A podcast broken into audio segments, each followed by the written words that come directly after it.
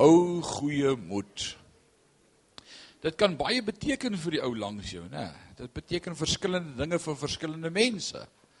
As jy vanmôre sê hou goeie moed, kan dit vir hom dalk iets anders beteken as vir een aan jou ander kant. Elkeen se omstandighede verskil en ons belewenis van wat dit beteken om goeie moed te hou is uniek. Elkeen beleef dit anders, maar ek wil vanmôre met jou kom met hierdie woord hou goeie moed. Nou, dit kan wees die pastoor gaan dalk nie lank praat vandag nie, so hou goeie moed. Ek wonder hoe lyk RSG so uitgedun vanmôre. Dit was nie die wegraping nie. Want ons is nog hier. Laasweek was dit onder, vanmôre is dit bo. Laasweek was dit die 94.7. Baie geluk aan almal wat gery het en klaar gemaak het en nog met ons in die lewe is. Uh ons is trots op julle naaste 'n goeie tyd gery.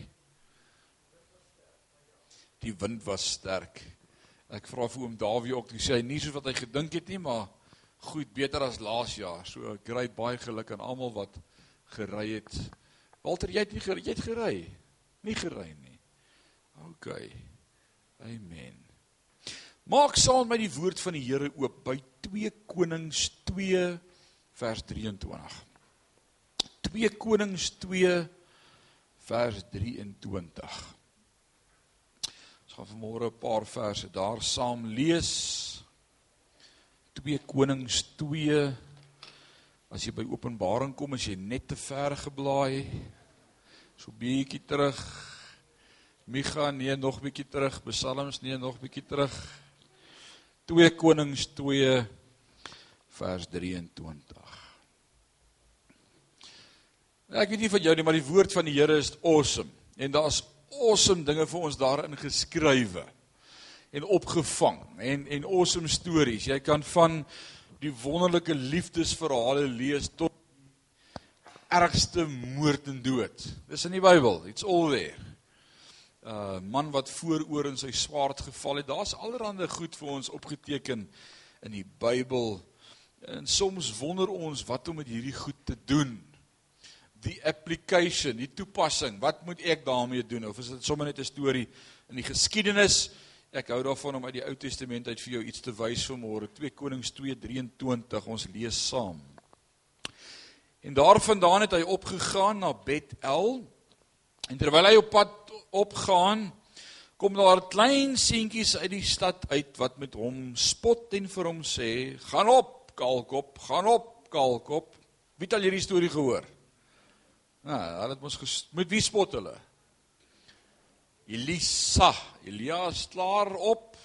Dis Elisa sy volgeling vers 24. Toe het hy agter hom omgekyk en hulle gesien en hulle gevloek in die naam van die Here. En twee beerinne het uit die bos gekom en van hulle 42 kinders verskeur.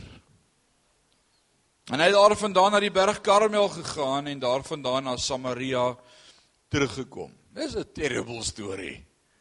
Kon ek dan nie iets beters gekies het vanmôre om met jou oor te praat en te sê hou goeie moed nê. Wie van julle is al deur beere verskeur? Nou kyk nou, jy het baie om voor dankbaar te wees vanmôre. Ek wil vanmôre vir jou sê alles sal reg wees in die einde. Soos alles vanmôre in jou lewe nie reg is nie, wil ek vanmôre 'n verklaring maak van hierdie kansel af. Dis nog nie die einde nie. Wat sê jy daarvan?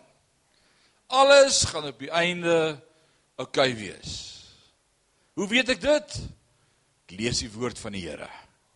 En hy die laaste sê en as ek daar aan die einde van die boek lees, dan sien ek aan die einde van tye is God op die troon, ons is saam met hom as sy kinders en hy gaan oor ons heers en ons gaan met hom wees vir altyd. Alles gaan oukei okay wees. So as ons nog nie daar is op daai plek in jou lewe wat alles oukei okay is nie, dan is hierdie preek vanmôre vir jou. En al wat ek vir jou sê is jy is nog nie op die einde van jou lewe nie. Hou goeie moed. Ons is op pad soontoe. Elia wat die mentor was van Elisa was 'n profeet en hy het groot krag gehad en gedemonstreer en hy was baie prominent geweest. En steeds sê die Bybel hy was 'n man net soos ons gewees, Elia. Waar sê die Bybel dit? Ons is besig met Jakobus sonnaande, Jakobus 5 Vers 17 sê Elia was 'n man net soos ons. Sê gou vir jouself net soos ek. Alraai, net soos ek. Wat beteken dit Elia was 'n man net soos ek gewees? Wel, kom ek sê vir jou gou 'n paar goed van Elia wat jy dalk nie geweet het nie. Elia was 'n depressieleier. Elia het nogal gesukkel, hy het vinnig depressief geraak. Vinnig wou handdoek ingooi. Kan julle onthou toe toe uh Wie was die vrou wat vir hom gesê het môre hierdie tyd? Isebel, né? Nee, ja. Jezebel sê die Engels, Isebel. Dus hy sê môre hierdie tyd maak ek met jou wat jy met my Baal profete gedoen het. Koning Agab se vrou toe wat gebeur met Elia? Hy begin aan die bewe gaan. En toe klap hy 'n toon, né? Nee, dis wat die Afrikaanse Bybel sê. Hy hardloop. Hy hardloop. Vir hoeveel dae lank hardloop hy aan mekaar? Kan jy onthou? 40 dae, 40 nagte. Nee, dit was die vloed. hy hardloop weg te kom van haar af. En hy raak moeg langs die pad en hy gelê en slaap. En God besoek hom. Alraight. So hy hy hy verstaan van hom depressief te raak. Hy wou self sy lewe neem. Right. Hy was by geleentheid geïntimideerd gewees, hy het maklik geïntimideerd geraak, hy was in gevaar gewees. Hy het ook probleme en moeilikheid beleef, maar op die einde van Elias se lewe het alles oukei okay uitgewerk. Wat was die einde van Elias se lewe? 'n Goeie raaiskoot is hy's dood. maar nee, wat het gebeur op die einde van Elias se lewe? God het hom kom haal met die met die wa en vuurpere. Kan julle dit onthou? Great. En so het hy opgevaar en sy mantel het op Elisa geval wat nou volgende profeet gaan wees. So net so is hy in 'n rukwind opgeneem. En daar's net so 'n paar mense in die Bybel waarvan ons lees wat nooit op aarde dood is nie. Wat was die wie is die eerste persoon van wie ons lees wat nie op aarde dood is nie? Henog. Die Engels sê dit so mooi and he walked with God and he was no more. Baie gevaarlik om naby die Here te kom. Nee. Hy het met God gestap en gewandel en toe die Here hom sommer net saamgevat. Die seentjie vertel vir sy ma toe by die huis kom, vra sy ma nou wat het die dominee gepreek? Hy sê net van Henog. Hy sê nou wat het hy gesê van Henog? Nou weet ek nie hoekom vra die ma's altyd die kinders nie. Die ma's moet ook kerk toe kom, hoor. Maar in 'n geval, hy sê toe Nee, die dominee het vertel van Henog wat so ver saam met God geloop het, die hele dag lank ver, ver, ver, ver, ver van die huis af. En toe dit al aand word, toe sê die Here vir hom, "Jy het nou so ver geloop, so ver van jou huis af, kom sommer na my huis toe." Great, dis wat met Henog gebeur het. Elia opgeneem met die wa en vier perde. Dieselfde beginsel tel vandag ook vir ons. Ek wil vir jou sê vandag alles gaan oukei okay wees. Kyk gou vir die ou langs jou en sê in sy oë vir hom, alles gaan oukei okay wees. Dit is maklik vir jou om te sê jy ken nie my storie nie. Jy weet nie van my omstandighede nie. Jy het nie my kind in jou huis nie. Jy weet nie hoe dit voel om in my lyf te wees nie. Jy weet nie van my probleme nie. Jy weet nie van my krisisse nie. Ons kyk iemand, ons sê ons kyk iemand voor die krop of voor die kop, maar nie in die krop nie, né? Jy weet nie wat in sy hart aangaan nie.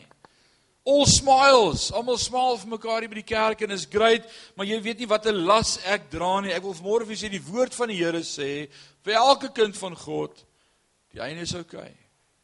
En hy hou vas in die holte van sy hand, so alles sal reg wees aan die einde. So as alles nog nie reg is nie, is dit nog nie die einde nie. Dis 'n positiewe woord om vir jou kind te sê as hy weer huil. Sê moenie worry nie, is nog nie die einde nie. Ons sê mos vir hulle dis nie die einde van die wêreld nie.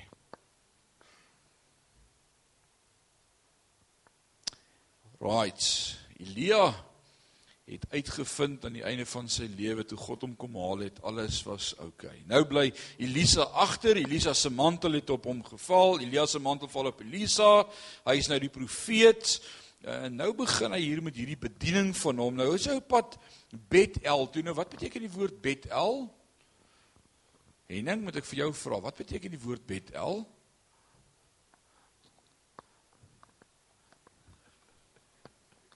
Julle was in Bethel gemeente. Wat beteken die woord Bethel? Huis van genade. huis van genade. Alraait of huis van God, Bethel, huis van God. Alraait. So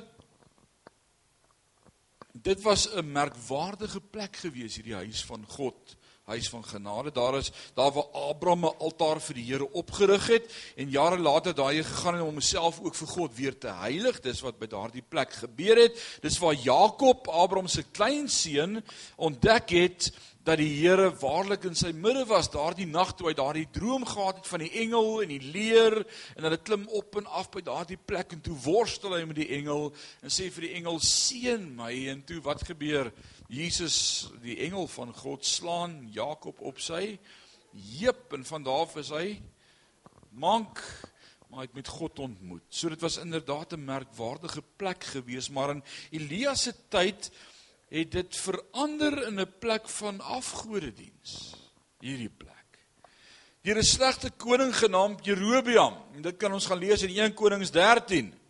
Hy het 'n goue kalf opgerig en mense daar laat aanbid en dit het die hele stad beïnvloed. So die koneksie op hierdie stadium van van daardie plek Bethel is nie positief nie. En nou is Elisa op pad na Bethel toe en ons kan net wonder wat gaan daar gebeur.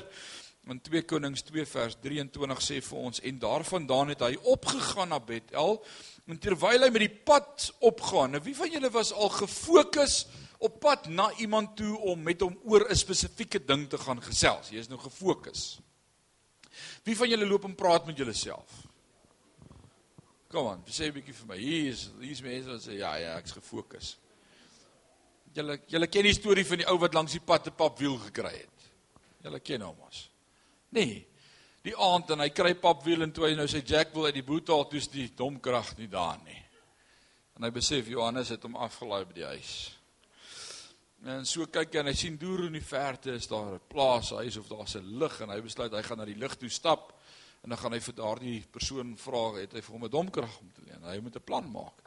Maar op pad soontoe het hy hierdie innerlike konflik van ek gaan vir hom so sê en ek gaan so vra en ek gaan so klop of dalk moet ek dit eerder so doen maar wat van as hy ou nou nie vir my die domkrag wil leen nie sê nou die ou is naaste en hy wil nie oopmaak nie en nou het hy hierdie konflik met homself en op die einde van die dag toe hy daar kom en hy klop en die ou maak die deur oop toe sê hy vir hom weet jy wat nê hou net jou jack hou hom En soms is ons ook so in die lewe. Jy's so gefokus met wat jy dink jy ou gaan sê en dan gaan ek so sê en dan gaan wie weet dit gebeur nooit.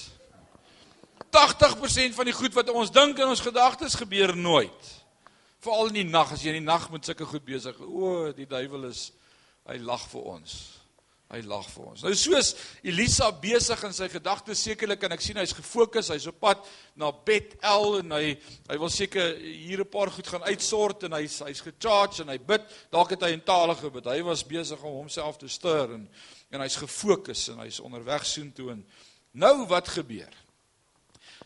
Terwyl hy op pad gegaan het, kom daar klein seentjies uit die stad uit wat met hom spot en vir hom sê: "Gaan op, kalkop, gaan op, kalkop." want hy was baie bles. Hy het nie baie hare gehad nie. So die idee hier is nie dat mans met blesse getard word nie. Nou mooi hoor vanmôre kinders. As jy vir jou pa sê jou bles, né? Dis dis nie wat die idee hier is nie, want dit was 'n simbool dat hulle deur God gejaag word of self 'n vloek op hulle rus. Dit was wat die gedagte was van van bles. Maar die seun van God rus op Elisa. Maar wag bietjie, klein seentjies. Dis mos nou wat ons hier lees in ons Bybel, klein seentjies. Nou as jy mooi gaan kyk wat hierdie woord klein seentjies beteken, want hulle het Elisa vervloek, want Elisa vervloek hulle in die naam van die Here en twee beerinne het uit die bos gekom en van hulle 42 kinders verskeer. Nou kan jy van sê dit klink terrible erg. 42 kinders totaal met hulle lewe.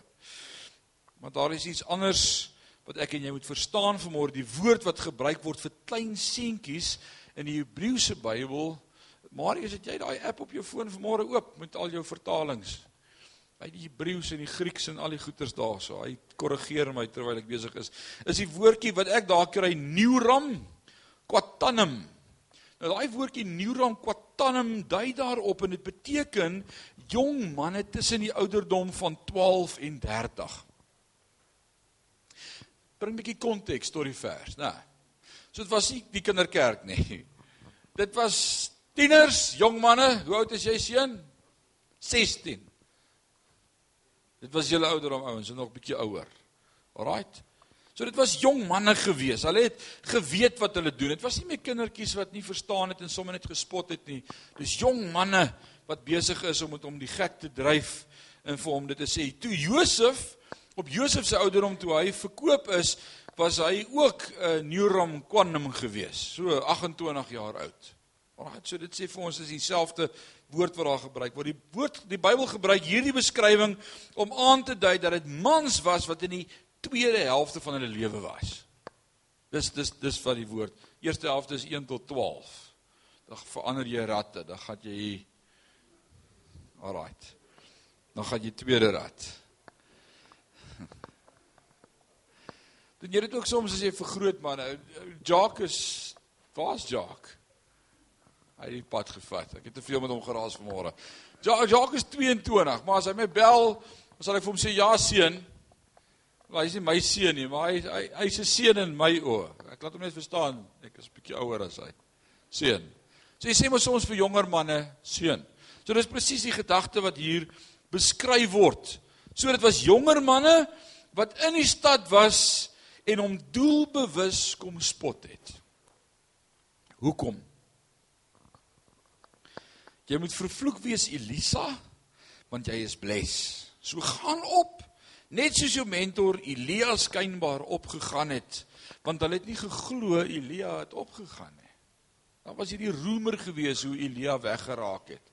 So nou spot hulle met Elisa. Hulle onderskei nie die salwing of die roeping as profeet op sy lewe nie en, en hulle sê vir hom jy's mal. Jy's mal. Gaan net op. So om dit te verduidelik was 'n vloek 'n uitspraak. Hy het nie gevloek nie. Hy het 'n vloek oor hulle uitgespreek. Hy het hulle vervloek. Dit was nie 'n uitspraak van Elisa se kant af nie, maar dit was 'n bevestiging van wat Elia Elisa geweet het. Nou hier kom die interessante ding. Het jy geweet toe hy omdraai en met hulle praat, het hy eintlik die skrifte baie goed geken. Hy het presies geweet wat die skrif sê en kom ek wys dit vir jou vanmôre in Deuteronomium 11 verklaar God as die mense van Israel wegdraai en ander gode aanbid, sal God sorg dat daar nie reën in die land wees nie. Dis mos wat Elia gebid het. Hoe hoe het hy gebid vir reën dat die reën sal wegbly? Hoe het hy geweet as die mense nie hulle verootmoedig voor God nie, gaan God dit nie laat reën nie. Hy bid skrif en hy bid Deuteronomium 11 want God het dit klaar verklaar as julle nie vir julle verander nie, gaan God nie laat reën nie. So hy bevestig net die woord. So dis presies wat Elisa hier doen. En kom ons lees in Levitikus 26. Dit sal interessant wees as jy soontoe wil blaai, gaan kyk wat sê Levitikus 26 vers 21 en 22. Want dis eintlik waar hierdie hele storie se hart vandaan kom, is uit die woord uit. Kyk wat sê Levitikus 26 vers 21. En as julle teen my versit en dan my nuwe luister nie, sal ek meer pla op julle lê sewevoudig volgens julle sondes. Ek sal die wilde diere van die veld onder julle instuur en die sal julle kinderloos maak en julle vee uitroei en julle verminder sodat julle paaie verlate sal wees. En dis presies wat hier gebeur. Hierdie ouens wil nie luister vir die woord van die Here nie. Hulle het nie ontzag vir God nie. Hulle spot met God. En wat doen Elisa eintlik toe hy omdraai met hulle praat. Dalk het hy net vir hulle gesê die woord gaan in vervulling kom. Dalk het hy net gesê Levitikus 26 vers 21. Hier kom dit. Alraai, presies wat gebeur. Beere kom uit die bos uit en verskeer van daardie jong manne. Terrible. Wat doen ons as alles in ons lewe ooglopend verkeerd loop? Laat ek gou die hande sien. Wie van julle het al moeilike tye beleef in julle lewe of beleef tans moeilike tye? Steek net die hand so oomlik so eentjie op. Ek dink dis die meerderheid van ons. Jy gaan deur goed wat jy nie gedink het jy deur moet gaan nie. Die lewe het anders uitgedraai as wat jy voorsien het. En en en nou is ons in moeilike tye. As die binnekant van jou hart besig is om te breek, wat doen jy? Nou kom ek sê vanmôre vir jou wat moet jy nie doen nie. Kom ons begin daar, as dit makliker. Wat moet ons nie doen as dinge in ons lewe uitmekaar val nie. Die eerste een wat ek sê, hou dop, hou moed, glo. Dis wat jy moet doen. Jy moet glo waarin in daardie gebeurtenis waarvan Paulus ons leer net soos Elisa weggevat is in die wolk hoor wat sê Paulus vanmôre vir ons in 1 Tessalonisense 4 vanaf vers 15 tot 18 en dis bemoediging vanmôre. So wat jy nie moet doen nie is om hierdie te vergeet. Jy moet dit nie vergeet nie. Hoor wat sê die woord. Want dit sê ons vir julle deur die woord van die Here dat ons wat in die lewe oorbly tot by die wederkoms van die Here die ontslapenis hoe genaamd nie voor sal wees nie. Want die Here sal van die hemel neerdal met 'n geroep, met 'n stem van die aartsengel en met geklank van die basuin van God en die wat in Christus gesterf het sal eerste opstaan. Daarna sal ons wat in die lewe oorbly saam met hulle in wolke weggevoer word die Here tegemoet in die lug en so sal ons altyd by die Here wees. Bemoedig mekaar dan met hierdie woorde. Paulus praat met 'n groep ouens wat deur 'n krisis gaan. Hulle beleef vervolging. Hulle betaal met hulle lewe. Die kerk word vervolg. Dis moeilike tawwe tye ekonomies.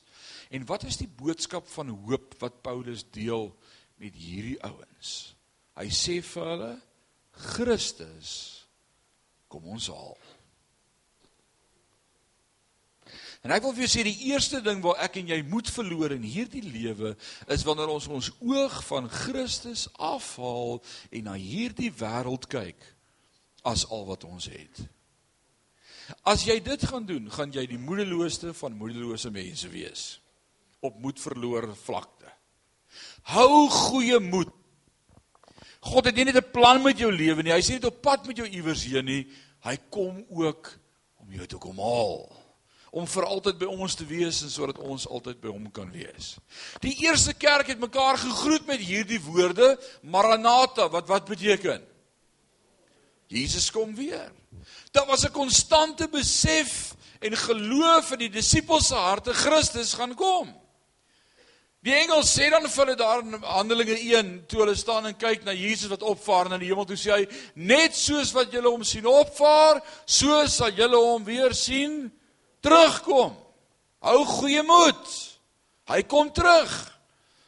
En hulle hele lewe is daardeur gekenmerk dat hulle 'n oog gehad het wat gefestig was op Jesus Christus.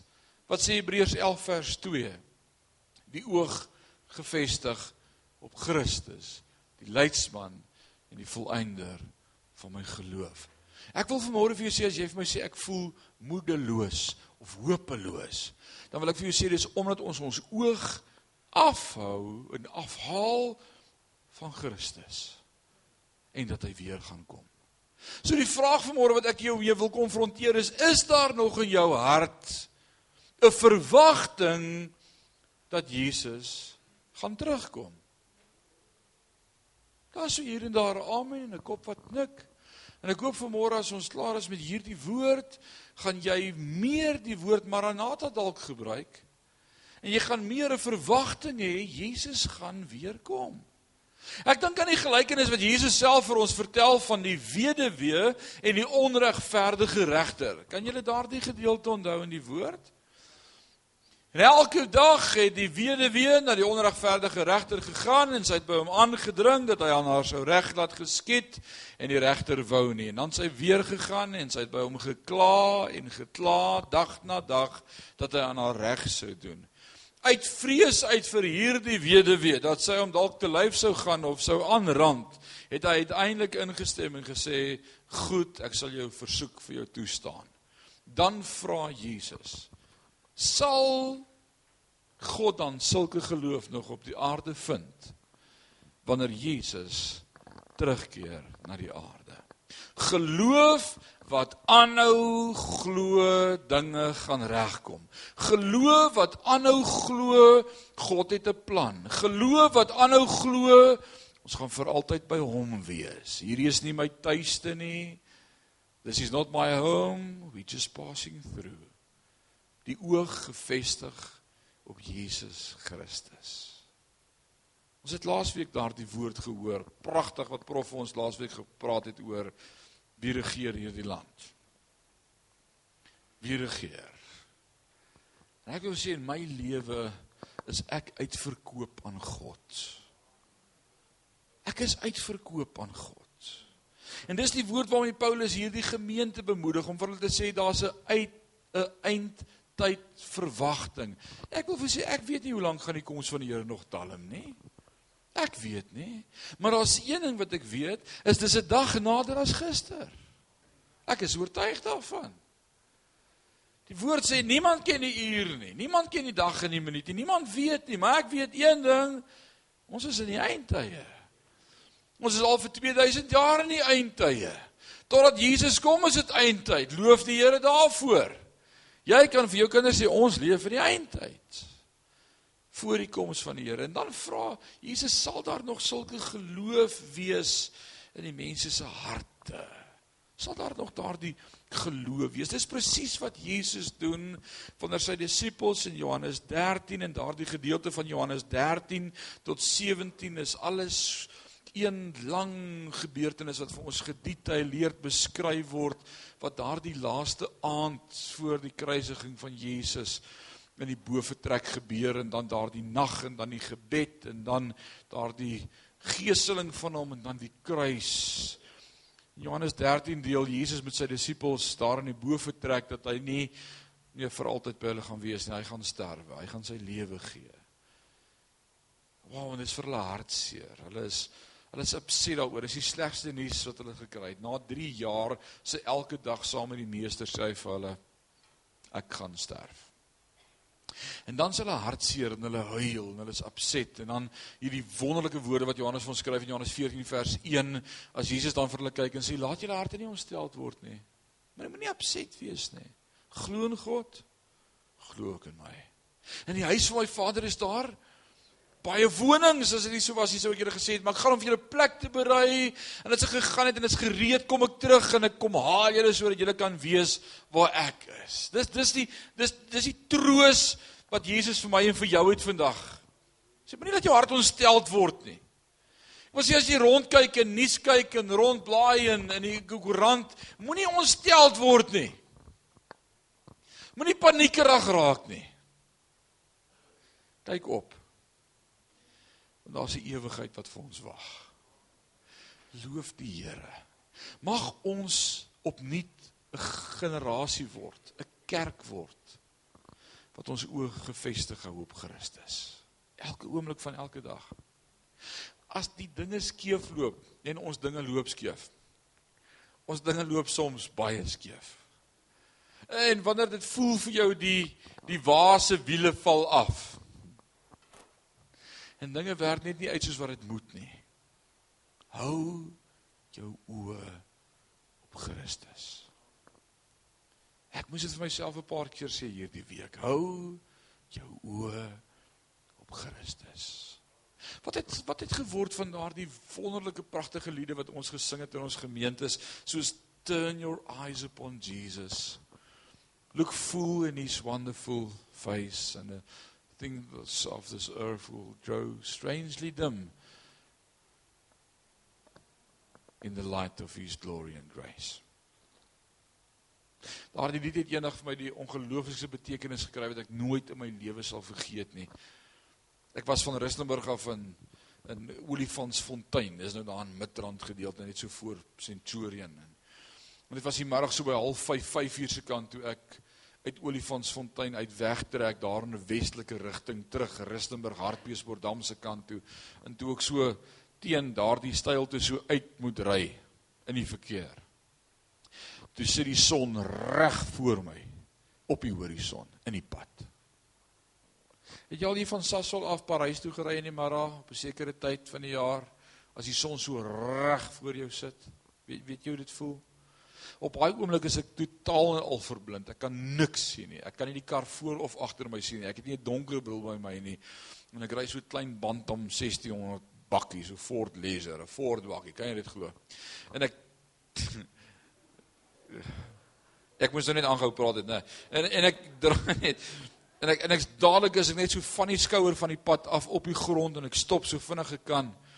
En ek is vir 'n oomblik gered en ek ja, ek kon nou in 'n groot ongeluk gewees het. En ek kyk weer na die son toe en daai son verblind my totaal en al. En hierdie woorde kom by my op. Turn your eyes upon Jesus. En ek dink oor die woorde van die lied en ek sê Here, wat beteken dit? En die Here sê as jy jou oë gefokus hou op my hou, gaan jy niks van die ander goed raak sien nie. Dit beteken nie dis daar nie. Dit beteken is nie my fokus nie. My fokus is nie op al hierdie dinge wat skeefloop nie. O, ons kan praat oor alles wat skeefloop. Ons kan vandag mekaar heel negatief opklits oor alles wat skeefloop. JJ? Is dit nie so nie? Ons het dit hierdie week beleef. Ek en hy was hierdie week by die lisensiekantore. Oh man. Enige ou met lae bloeddruk gaan soontoe. Dis genesend.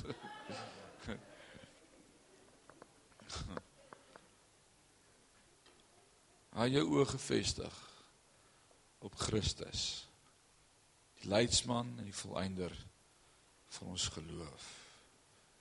Ek wil vanmôre vir jou sê alles gaan op die einde oukei okay wees. Ek onthou my oupa het gereeld hierdie ou lied met hierdie woorde gesing. What a day that will be when my Jesus I shall see. When I look upon his face, the one that saves me by his grace, when he takes me by the hand and lead me to the promised land, oh, what a day, glorious day that will be. Daar was 'n verwagting by hom gewees, Christus gaan kom en ons gaan by hom wees en alles gaan oukei okay wees en en dit maak dat jy kan opstaan in die oggend en fluit. Wanneer laas het jy iemand met 'n met 'n lied op sy lippe gehoor of 'n fluit oor sy mond of 'n smile op sy gesig. Ons is so morbied en ons is depressief en ons is te neergedruk en die lewe is so swaar. Maar ons vergeet om te fokus op dit wat saak maak. Ek wil vanmôre vir julle sê kom ons fokus op dit wat saak maak. Dalk moet ons vanmôre ons sonde bely. Dalk moet ons vanmôre vir die Here sê, Here, ek ek is so besig met alles wat moet gedoen word en alles wat nog die jaar moet gebeur in my program en en al hierdie dinge dat uh, ek het gesaai trek geraak. Ek het vergeet om te fokus op wat eintlik belangrik is. U is belangrik vir my. U is belangrik. En ek ek wil vanmôre net weer opnuut bely. Ek het 'n verwagting Christus gaan terugkom. En ek gaan by hom wees. En so gaan ons vir altyd by mekaar wees en alles gaan oukei okay wees. En hy gaan heers as koning vir altyd. En ek gaan saam met hom heers. Die woord sê ons gaan heers as konings en priesters saam met hom. Wow man, dit gaan amazing. Ek weet nie hoe nie. Weet nie hoe nie. Hulle sê wat ons sal wees, weet ons ook nog nie. Maar ons weet een ding, ons gaan nie weet wat ons nou is nie. Wie kan sê amen daarvoor? Loof die Here. Kom ons kom ons sluit ons oë. Kom ons sluit ons oë.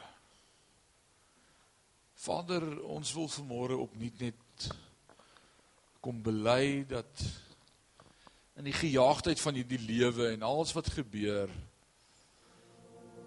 is dit so maklik om ons oë en ons fokus van U af af te haal. So maklik om 'n oomblik weg te kyk en al die ellende en die pyn en die krisisse om ons te beleef en en daarin vasgevang te word en en meegesloer te word en en, en so bewus te wees van van tekortkominge op hierdie aarde dat ons moedeloos word en hopeloos klink en in en negatief bely en ons wil môre kom askies sê. Ek wil môre kom vra Vader dat U opnuut in ons harte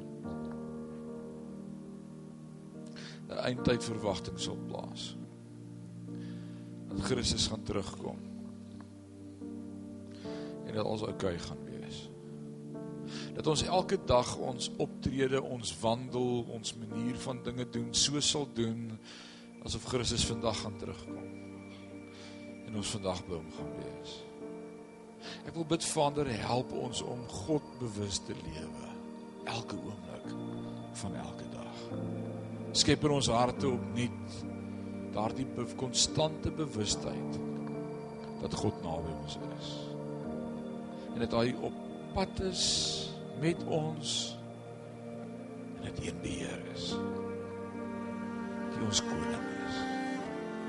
Here vanmôre is die mense wat hopeloos voel en ellendig voel en te neergedruk is en sê maar my krisis is vir my net te groot en ek weet nie hoe om dit hanteer nie.